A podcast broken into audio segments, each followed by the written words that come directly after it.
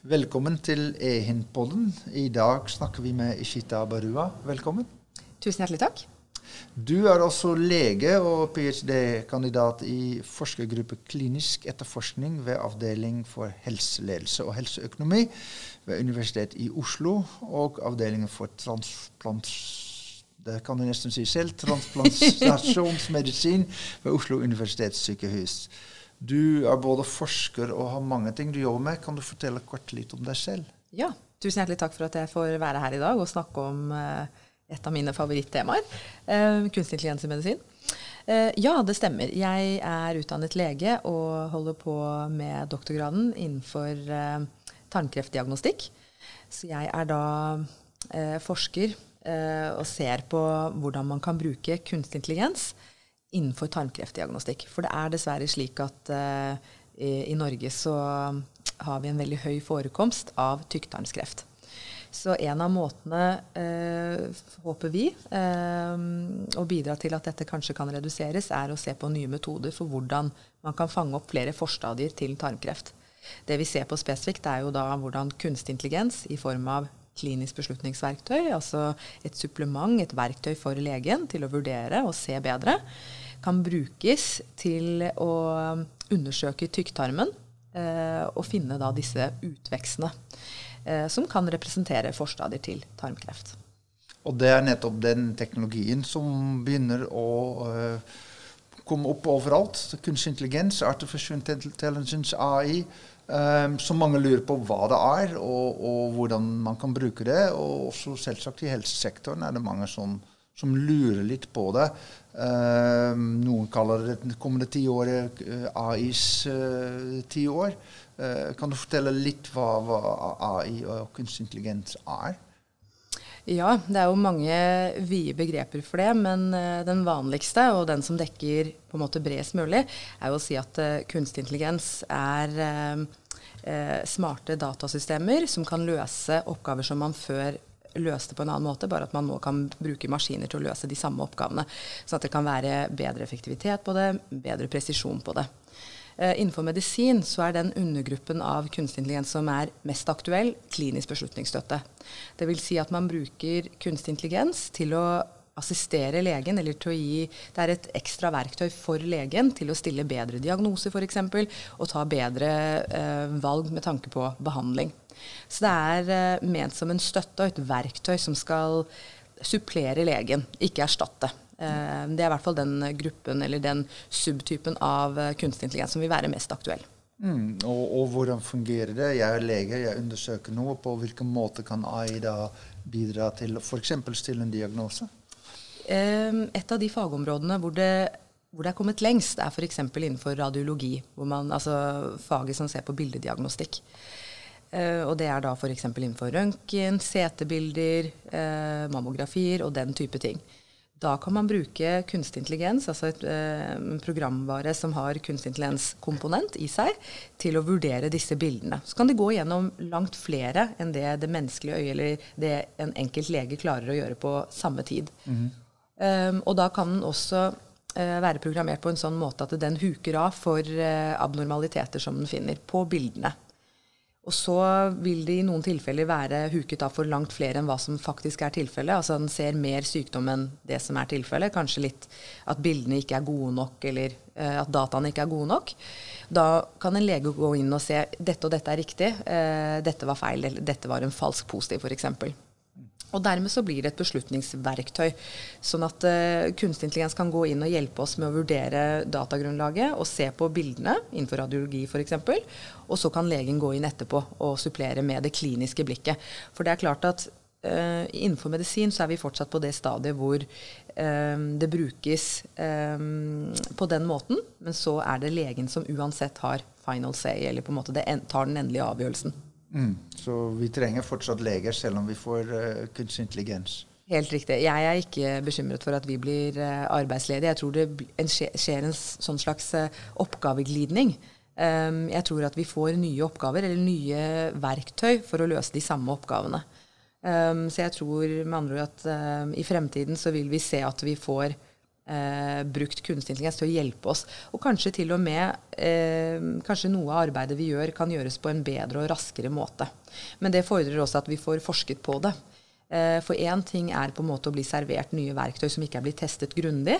og Dermed har man ikke tatt høyde for hvordan man skal bruke det i klinikken.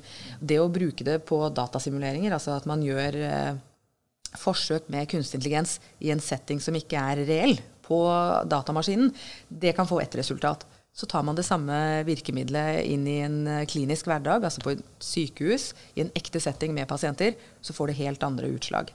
Så den utprøvingen og det å kunne leke seg med verktøyene for å se hva virker og hva virker ikke, og eventuelt hvorfor virker det ikke, det er veldig viktig for at man skal kunne komme dit hvor norske sykehus og pasientbehandling i Norge får hjelp av kunstig intelligens. Mm.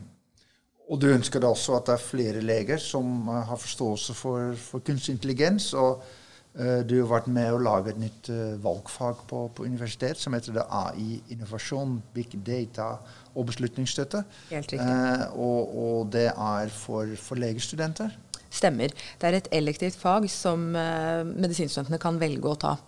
Eh, så det er ikke et programfag, det er ikke for alle medisinstudenter. Men vi jobber mot at det kanskje kan bli det etter hvert. Vi ser at behovet for å lære seg eh, eh, å ta i bruk disse nye digitale virkemidlene vil bli viktig fremover.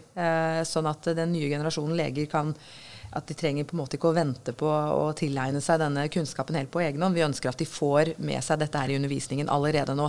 for, som, for, for ja. å være avklart, dette var det ikke noe som eksisterte innenfor legeutdannelse før. Lege får ikke noe opplæring i sånn type Helt teknologi. Riktig. Du er på en måte prisgitt å være interessert i det. Nå skal det sies at det brukes ikke kunstig intelligens på norske sykehus per i dag på pasienter. Det er på forskningsstadiet. Så i den grad det brukes, så brukes det i forskningssammenheng. Så det er ikke noe som er tatt i bruk. Men uh, helsemyndighetene har tatt mange grep. Uh, Helsedirektoratet. Så det er prosjekter på vei som ser på hvordan de kan uh, ta i bruk kunstig intelligens og utprøving av det. Men det betyr også at samtidig som dette her kanskje kommer på plass, at vi skalerer opp for å bruke det, så trenger man også at man uh, utdanner fremtidens leger i nettopp dette. Og også de uh, legene som, er, som, jobber allerede i dag, trenger å få freshet opp kunnskapen sin på nettopp dette her. Så vi ser at det er et behov, det er et kompetansebehov som vi prøver å svare på. Mm. Og så, så, er det i tittelen fire begrep. Du har snakket om AI og beslutningsstøtte så er det vel big data. Hva, hva legger man i det? det? det? som er veldig fint med det begrepet, er at alle, eh, veldig mange, vet i hvert fall hva big data er. Stordata på norsk. Det bruker man ikke like ofte.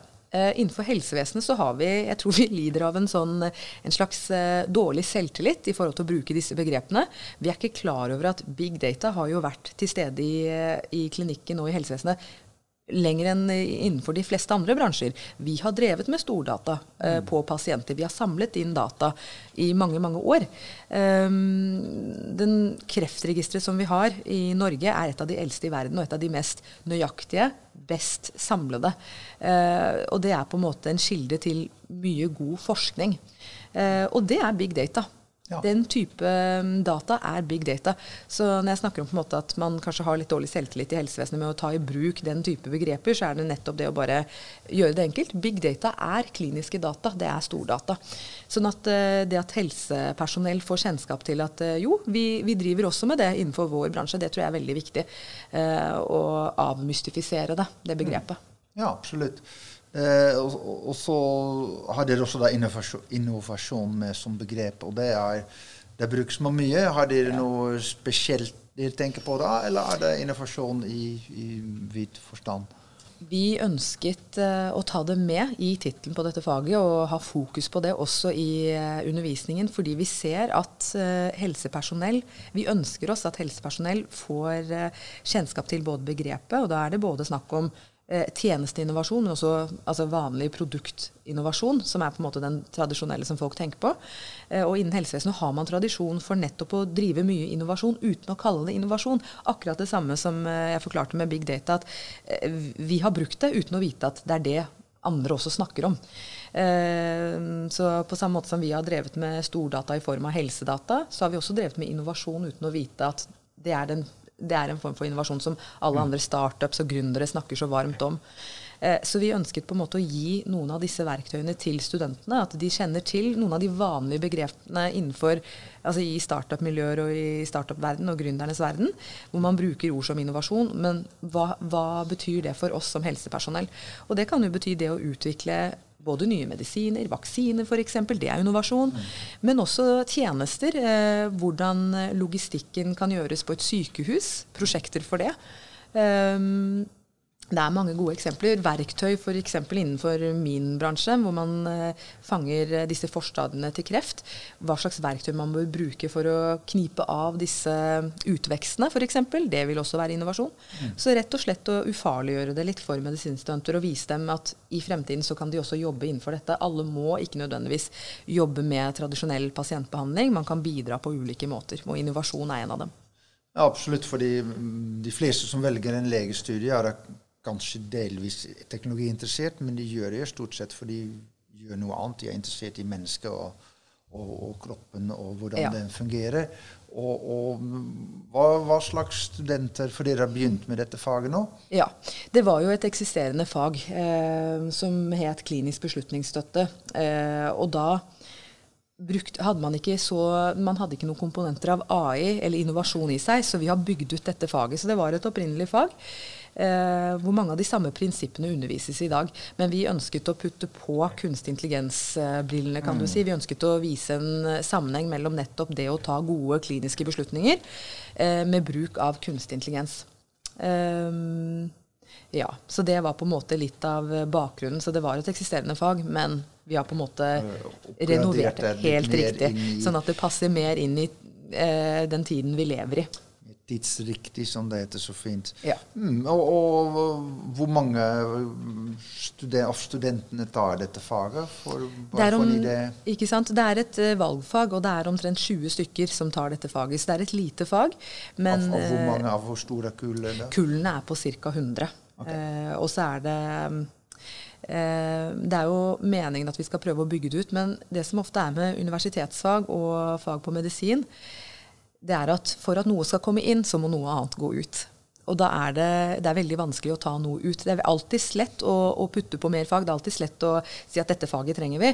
Veldig vanskelig å gjøre den eh, balanseringen og den vurderinga hva skal ut for at noe annet kommer inn. Så det er også noen av utfordringene man jobber med. at eh, man er kanskje nødt til å tenke nytt da, om hvilke fag man trenger for medisinstudentene. Så det er grunnen til at det ikke nødvendigvis er et programfag for alle medisinstudenter i dag, men vi håper jo at vi kan komme dit. Og et, dette er ett sted å begynne. At man ser man begynner Vi så oss nødt til å begynne et sted. Så er det jo sånn at vi ønsker å bygge det ut både i antall timer og hvor mye omfanget av faget, da. Og mm. de ulike delene. Eh, vi planlegger å øke den biten med direkte kunstig intelligens-undervisning. Sånn som det er nå, så er det ikke lagt inn eh, dette med programmering, f.eks. Så medisinstudentene lærer seg ikke å lage kunstig intelligens, men de lærer seg noe som er langt viktigere for dem, og det er å forstå eh, hvordan disse verktøyene skal brukes. Litt om algoritmeforståelse, hva det er. Eh, og så tenker vi at vi kan ta det etter hvert. At dette med å bygge opp algoritmer, det kan man utvide faget til. Men per i dag så er det ikke med, f.eks. Mm. Og algoritme, det er kort forklart? Det er Jeg liker veldig ofte å bruke og koble det til medisinen, kan se på det som eh, DNA. På akkurat samme måte som DNA er en oppskrift på hvert menneske, eller hvordan det mennesket fungerer, så er også en algoritme en oppskrift på hvordan eh, en kommando skal fungere. Mm.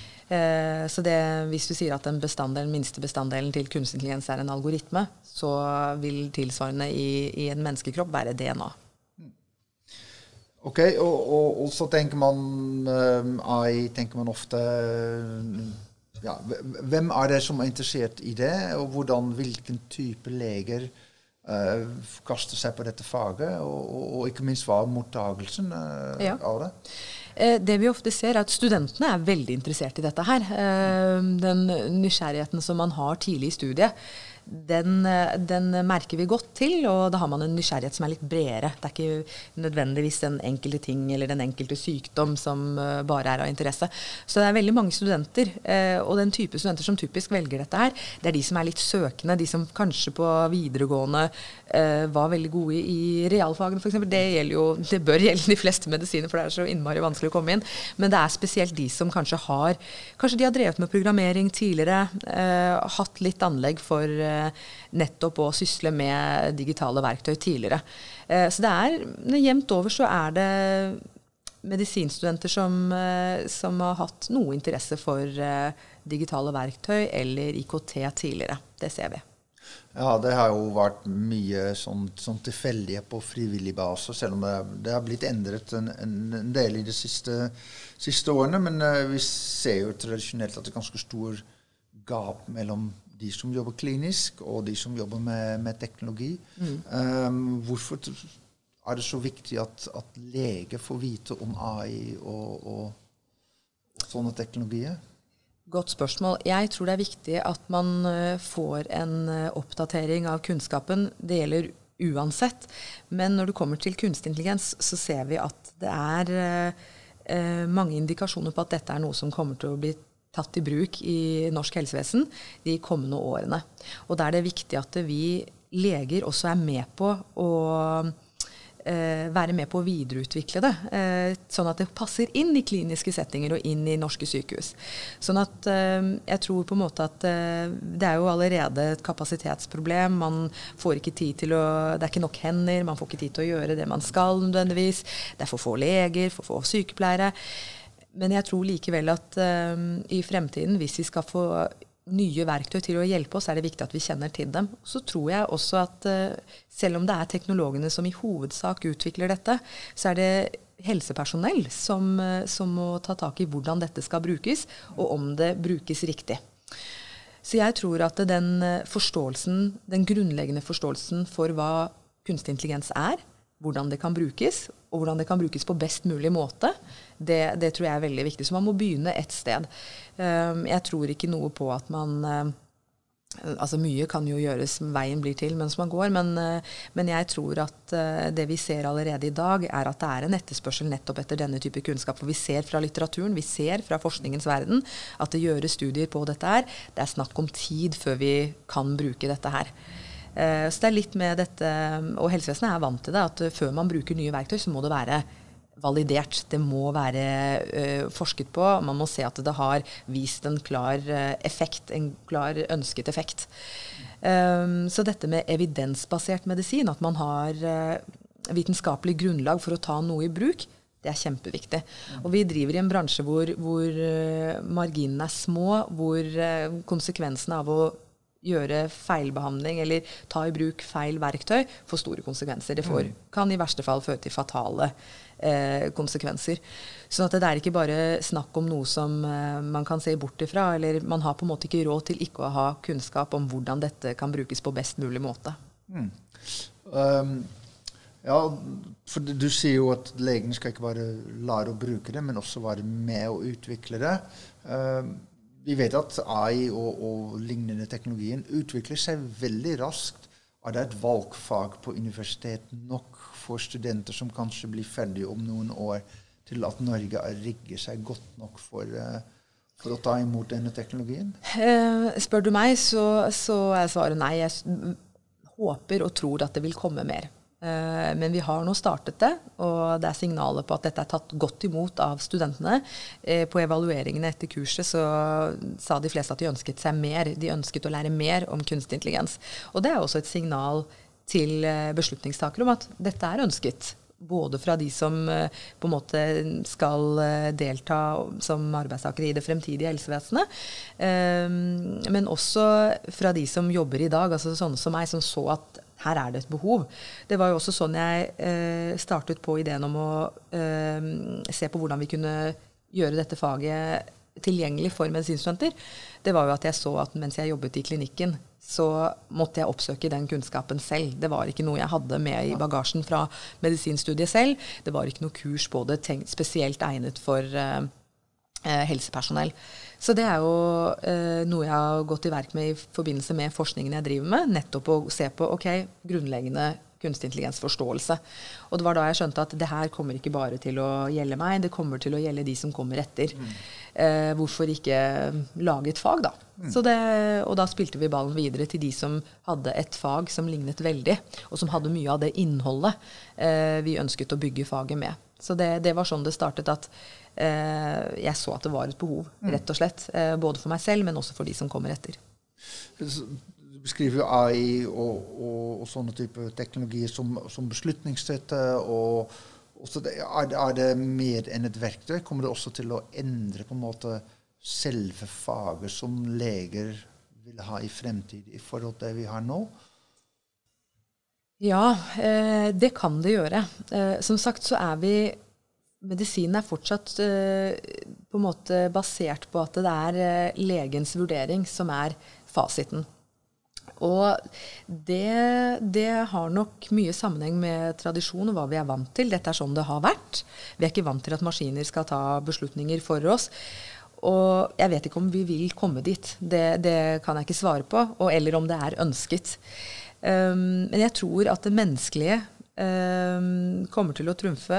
Og da mener jeg f.eks. når man er syk. Man er, uh, Si man uh, har en uh, uhelbredelig sykdom eller bare trenger behandling. I den fasen så tror jeg man, at man går tilbake til basalbehov. Man ønsker at det er en lege som ser en, som snakker med en, og som på en måte tar seg av pasientbehandlingen. Det er ikke sikkert da at man ønsker at det skal være en robot som tar anamnesen, altså stiller deg spørsmål om deg og din bakgrunn. Det er ikke sikkert man ønsker en uh, robotkirurg som, gjør, uh, som også kan gjøre feil. Uh, eller man ønsker på en måte det menneskelige mye mer i en så sårbar situasjon. Så jeg vet ikke om vi noensinne kommer til å komme dit hvor AI blir mer enn klinisk beslutningsstøtte, hvor det blir noe mer enn et verktøy for legen, og at legen på en måte blir eh, eh, nummer to til å ta en beslutning. Det vet jeg ikke. Men sånn som medisinen er formet i dag, så er det legen som har den eh, avgjørende og den siste en final say, da, kan man si. Um, og det er også mye av måten hvordan man jobber på, hvordan man kommer frem til algoritmene på. Datagrunnlaget i hovedsak uh, er jo noe som blir matet inn. Uh, F.eks. Uh, helsedata som mates inn for å lage en algoritme. Uh, vil i andre enden komme ut som en, eh, en, en algoritme. Da. Eh, så du kommer inn med mye helsedata, og så vil AI-en finne ut av hvordan de skal komme frem til riktig algoritme. Men så vil det jo være sånn i en ønsket situasjon at legen ser på den algoritmen. Kan dette stemme? Er dette riktig? Er det ønsket effekt? Eller er det sånn at det er noen skjevheter i dataene som gjør at denne algoritmen blir feil?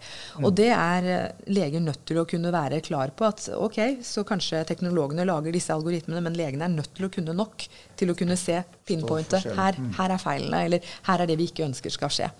Ikke sant? For det, det, Du snakker også om å, å fallgru, at legene er klar over fallgruvene som, som, teknologi kan skape. Og, dette er kanskje et eksempel på det? Er det ja. flere eksempler på fallgruver? Det meste av eh, eksemplene kan knyttes til at eh, utgangspunktet, altså helsedataene man mater inn, at det er skjevheter der. Og det gjelder jo generelt i medisin. At det, mye av forskningen vår er kanskje basert på hvite menn eh, som har passert 50-årsalderen. Sånn at man får underrepresentasjon av andre grupper. Men så bruker man likevel den kunnskapen som er bygget på majoriteten, da, altså disse mennene, på behandling av minoriteter, av kvinner og den type ting. Og da ser man disse utslagene, disse skjevhetene. Så det aller meste, det vi gjør feil i dag innenfor eh, medisin, det vil forplante seg innenfor kunstig intelligens også, fordi at det er de samme helsedataene vi bruker. Ja, så hvis man greier ikke systemet å, å luke det ut. Nettopp. Ja, mm. det, og det er også en annen måte å si det på, at uh, per i dag, sånn som uh, kunstig intelligens utvikles innenfor medisin, så vil ikke algoritmene være bedre enn den beste lege. Uh, på en måte. Altså da, da, mener jeg det, det, som er så fint med kunstig intelligens, er at det standardiserer eh, prestasjonen til, eh, til, legene. Sånn at eh, en senior lege og en junior lege eh, kan komme opp til samme resultat med et klinisk beslutningsverktøy. ikke sant? Så man kompenserer for den mangelen på kompetanse. Uh, og det er bra, fordi en lege som kanskje har sovet lite, kan komme opp på samme nivå som en lege som har åtte timer søvn, da, sagt enkelt. Så det er det kunstig intelligens kan gi oss, kan bidra med. Men eh, det betyr jo at eh, i hvert fall med klinisk beslutningsstøtte så vil du aldri få AI som er bedre enn den beste lege, fordi at det var sånn det var bygget. Mm. Hvordan kommer vi da videre? Hvordan kan kunstig intelligens hjelpe oss med å være bedre enn den beste lege? Det er det neste skrittet. Mm. Men spørsmålet er da ønsker vi det. Så det beror, for at vi skal komme dit, den utviklingen der beror på at man eh, kanskje gir slipp på noe av den, eh, den hva skal jeg si, det hierarkiet hvor legen vet best. Du, du, har også snakket om um, algoritmeråd, eller et ønske at vi må på en måte se litt på bruk av AI fra mer sentrale uh, ståsted. Det er jo en del initiativ på gang i Norge, men kan du fortelle litt hva du mener, hva du legger inn i det? Ja. Um, jeg sitter jo da i uh, Bioteknologirådet som et varamedlem. Og fra det rådet så er jeg vant til at uh, man diskuterer saker fra ulike vinkler. Det er en veldig sammensatt gjeng som sitter i Bioteknologirådet. Det er filosofer, det er jurister, det er leger, det er molekylærbiologer. Altså det er folk med veldig forskjellig bakgrunn. Så når vi diskuterer da uh, f.eks. fosterdiagnostikk, så har vi ulike utgangspunkt eh, og ser saken fra ulike Altså har ulike innfallsvinkler. Og det savner jeg også med algoritmer. Så det er allerede i enkelte byer i Europa, f.eks. i Helsinki og Amsterdam, så har de eh, åpne algoritmeregistre. Hvor eh, de algoritmene som brukes i byen eh, innenfor offentlige oppgaver, der ligger det ute informasjon om algoritmen og en kontaktperson som eh, publikum kan kontakte ved spørsmål om en algoritme eller hvordan det brukes. Og det er en type åpenhet som, som jeg savner eh, her i Norge. Nå er det ikke sånn at vi bruker algoritmer overalt i ulike ting, men, men, det er fortsatt sånn at det kommer til å øke framover. Og da er det både dette med algoritmeregister som kan være et forslag, men også som jeg tidligere har snakket om, dette med algoritmeråd. Vi kan ha et tilsvarende råd som Bioteknologirådet, hvor ulike fagpersonell kommer sammen og diskuterer. Da, det blir kanskje litt mye. altså Hvordan man praktisk skal gjennomføre det, det er et annet spørsmål. Men det er klart at det at flere eh, spesialister ser på hvordan man kan eh, vurdere en algoritme, det tror jeg vil ha mye for seg. Mm. Både for å unngå skjevheter og bias som følge av eh, algoritmebruk. Men også for å skape en åpenhet. At, at, publikum ser, at offentligheten ser, at dette diskuteres bredt. Eh, ellers er jeg redd for at man, hvis man ikke får det Det er jo ikke noen regulering på området i dag. Eh, det er ikke noe lovverk for algoritmer. Så det tror jeg vil komme. Men jeg tror at hånd i hånd med det å lage regelverk, hvis man ønsker det, det er også å ha et råd som diskuterer bruken av det, eller hvordan algoritmen er sammensatt. Innenfor det medisinskfaglige eller generelt? Det er jo ulike forslag. Jeg har hørt at det er noen som ønsker seg algoritmeråd innenfor de enkelte områdene, altså innenfor medisin og innenfor si Uh, annen, altså etikk. Altså, jeg tror at det er mange som tenker siloer her, og tenker at dette burde være separat. Men jeg tenker jo at et samlet algoritmeråd kunne vært veldig fint, det også. På samme måte som Bioteknologirådet jobber. De også tar ulike altså Det er ikke bare fostervannsdiagnostikk de ser på, de ser på mange andre ting òg. Eh, GMO, altså sånn genmodifisert mat, den type ting. Så det er på en måte en rekke temaer de dekker. Men felles for de er at Poenget er å diskutere det fra ulike fagområder, ulike innfallsvinkler. Det tror jeg kunne vært lurt også overordnet, eh, et overordnet algoritmeråd for kunstig intelligens. Ja, det kan være interessant. Eh, du nevner jo eh, det, det med Bioteknologirådet, og, og, at der diskuteres det mange ting med filosofer, samfunnsvitenskap, folk på tvers av jus. Når man snakker teknologi, så tenker vi ofte, ikke så ofte på etikk. Og, og på, da tenker man ja, men det er bare noe som kommer på side. Uh, særlig når vi tenker innenfor det medisinske faget, er det kanskje bør vi tenke mye mer på etikk og, og teknologi også?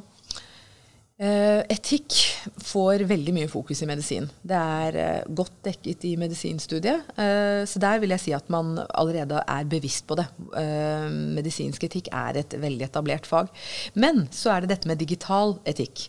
altså etikk som er mer i sammenheng med de digitale verktøyene vi bruker.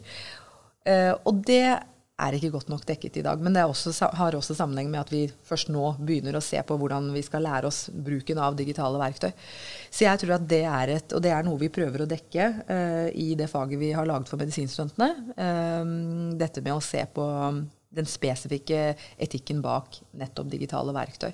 Jeg tror at det blir viktig i årene framover, fordi at det er Som leger så er det Vi er vant til å ta mange vanskelige valg. Mm. Eh, men det blir bare enda flere problemstillinger å forholde seg til, nettopp med introduksjonen av kunstig intelligens. Eh, så det er i hvert fall et eh, emne vi prøver å dekke i faget. Uh, forhåpentligvis så kan vi ha mer om det framover. Vi ser på ulike etiske utfordringer, og, og en av dem er at f.eks. med den type undersøkelser som, som dere jobber med, tarmkreft og mange andre typer undersøkelser og AI, vil vi jo kunne finne mange flere forstadier av sykdommer. Og da vil det også egentlig kreve at vi behandler dem og gjør noe med dem, som vil øke eh, presset på helsesektoren veldig mye mer. Og det er også spørsmål om vi vil vite om alt vi kan få vite. Eh, hvordan ser du på det? Veldig veldig godt spørsmål. Dette er uh, million dollar question egentlig innenfor bruk av uh, kunstig medisin. Hvordan kan man unngå det som kalles for overdiagnostikk? For det er klart at når vi får bedre verktøy, så eh, i første omgang så betyr det at vi oppdager mer i volum, sånn at vi kan oppdage flere forstadier. Men så er det jo som sagt sånn at det er jo ikke alle forstadier som blir til f.eks. tarmkreft. Sånn at da må kunstig intelligens eh, utvikles på en sånn måte hvor presisjonen økes. Eh, og det kan ta tid å komme seg dit, men eh, sånn som det er nå, så oppdager vi både innenfor radiologi med bildediagnostikk at kanskje algoritmen huker av for mange bilder med en abnormalitet eller et utfall som man som lege må se nærmere på, men som ikke representerer egentlig sykdom. Så det er det overdiagnostikk betyr og representerer. Eh, at man eh, istedenfor å få mindre å gjøre, så får man stadig vekk mer å gjøre som lege, fordi at kunstig intelligens ikke klarer å skille mellom det som faktisk er reelle farer, og mm, det som bare representerer falske positive, f.eks. Så det, vi må gi det mer tid til å utvikle det og få inn en sånn en finjustering. Så akkurat nå så har man en reell fare for å få overdiagnostikk. Og ikke minst også at vi som innbyggere kanskje får vite ting som vi ikke nødvendigvis uh, fikk vite før, og som skaper kanskje redsel og bekymring. Ikke sant. For det er noe sånn som vi praktiserer innenfor i mitt fagfelt, hvor vi gjør koloskopier, altså tarmkikkertundersøkelser. Man går inn med et uh, skop og ser med kamera på innsiden av tykktarmen. Så er det jo sånn at man vil oppdage utvekster. De færreste av de utvekstene representerer uh, kreft eller har potensial til å bli til kreft. Men det er jo ingen som vil at man skal la eh, noe som helst av utvekster stå igjen omtrent. Eller det, det, er veldig få som vil eh, føle seg trygge på at ja, den, eh, vi kan la alt dette her stå, uten at man har en god begrunnelse for hvorfor man lar det stå, ikke bare tar det. Men det er jo det med at man hele tiden må vurdere risikoen for Når man tar disse utvekstene, så er det alltid en risiko f.eks. For, for blødning, eller for at man lager hull. Og det, selv om den risikoen er lav, så er det det med at hvis du gjør det mange nok ganger eller i stort volum, så øker den risikoen. Sånn at det vi håper på, er at kunstig intelligens kan gi oss verktøy som uh, gjør at vi kan vurdere hvilke utvekster som er farlige eller kan bli farlige, og at vi fjerner utelukkende de. Mens de som ikke representerer eh, noe farlig i fremtiden, de kan vi kanskje la stå. Så da sparer man både tid, ressurser, men også en unødvendig risiko, forhåpentligvis, for pasienten. Ja, for det, det, det etiske spørsmålet er jo veldig sentrale i å ta i bruk uh, ny teknologi. Vi snakker om digital suverenitet. Hvordan skal vi vedlikeholde våre gode helsetjenester, våre nordiske modeller innenfor en, en raskt utviklende um, teknologiverden. Fordi selv om helseverden også endrer seg, og lege yrke, men det har jo veldig mye erstatt der. Hvordan matcher man en så raskt utviklende teknologiverden med en ganske tradisjonell eh, legeverden? Veldig godt spørsmål. Jeg pleier ofte i undervisningen å bruke eh, en tidsakse for å vise dem hvorfor medisinen er så konservativ. Eh, som sagt så har jo det å gjøre med at vi, vi, jobber med menneskeliv. Det er ikke snakk om noen trivielle saker. det er ikke altså Penger er viktig, det òg, men det, er, det, får så langt større konsekvenser når ting går galt innenfor medisin enn kanskje i tilsvarende andre bransjer. Um, og da pleier jeg å bruke en tidsakse som viser hvor lang medisinsk tradisjon har vært. Altså det kan dateres tilbake 8000 år minst, hvor man uh, har brukt medisinske tradisjoner. Og så ser vi på kunstig intelligens som oppsto tidlig på 1950-tallet. Sånn at det er en øreliten del av menneskeheten. Eh, og dermed så setter det litt premisser for disse fagene, og hvordan, eh, hvordan, eh, det ene forholder seg til det andre. Så innenfor medisin så har man alltid en sånn ryggmargsrefleks at hvis du ikke kan eh, i hvert fall innenfor evidensbasert medisin, hvis ikke noe har god nok dokumentasjon, så vil man heller la være å bruke det. Man vil heller la være å ta sjansen på at dette kan skade pasienten, enn å ta det i bruk for å bare se hvordan det fungerer. For det er mange der ute som tenker hvorfor er man ikke mer fleksibel i å ta i bruk nye verktøy? Jo, fordi som sagt, konsekvensene er så store hvis det ikke fungerer. Eh, og det er det vi har forskningen til. At man, legger, eh, eh at man skaper gode rammer for nettopp utprøving, som er i trygge forhold. Eh, men hvor man tillater en, en, viss risiko, nettopp fordi at man ønsker å komme dit hvor man kan ta det i bruk. Så er det spørsmålet hvilket, eh, altså hvilket nivå av risiko vil man legge seg på. Mm. Ja, for vi vil se at den teknologiutviklingen er såpass rask at hvis vi skal vente på forskningen før den er virkelig godt gjennomforsket før vi tar det i bruk, så er den teknologien kommet såpass mange steg videre at ja. vi hele tiden henger etter. Ja. Men eh, jeg har ikke noe fasit på hvordan man skal nødvendigvis komme seg raskere dit hvor ting blir implementert i klinikken. Men jeg vet i hvert fall at man kommer ikke utenom. Eh, det er ingen som har lyst til å ha et helsevesen hvor man får vilkårlig behandling, eller hvor man eh, blir utsatt for eksperimentelle forsøk med nye verktøy som man ikke har dokumentert effekt av. Det er, det, det er de færreste som vil ha et slikt helsevesen. Så jeg tror at man kommer ikke utenom dette forskningsstadiet. Så det er spørsmålet bare hvordan kan vi skalere opp den forskningen så at det går raskere, uten at det går på bekostning av eh, eh å holde risikoen lavest mulig. Ok, vi trenger flere teknologer som kan helse, og vi trenger flere leger som kan teknologi. Uh, det faget som dere har startet, er en, uh, en god uh, steg i riktig retning. Um, Norge fikk jo i fjor en strategi for AI, for kunstig intelligens. Um, og vi er jo på vei å ta i bruk AI. vi er også i et valgår, så vi skal i slutten av dette året forhåpentligvis ha en ny regjering. Hva ønsker du at den nye regjeringen gjøre, må gjøre rundt uh, kunstig intelligens?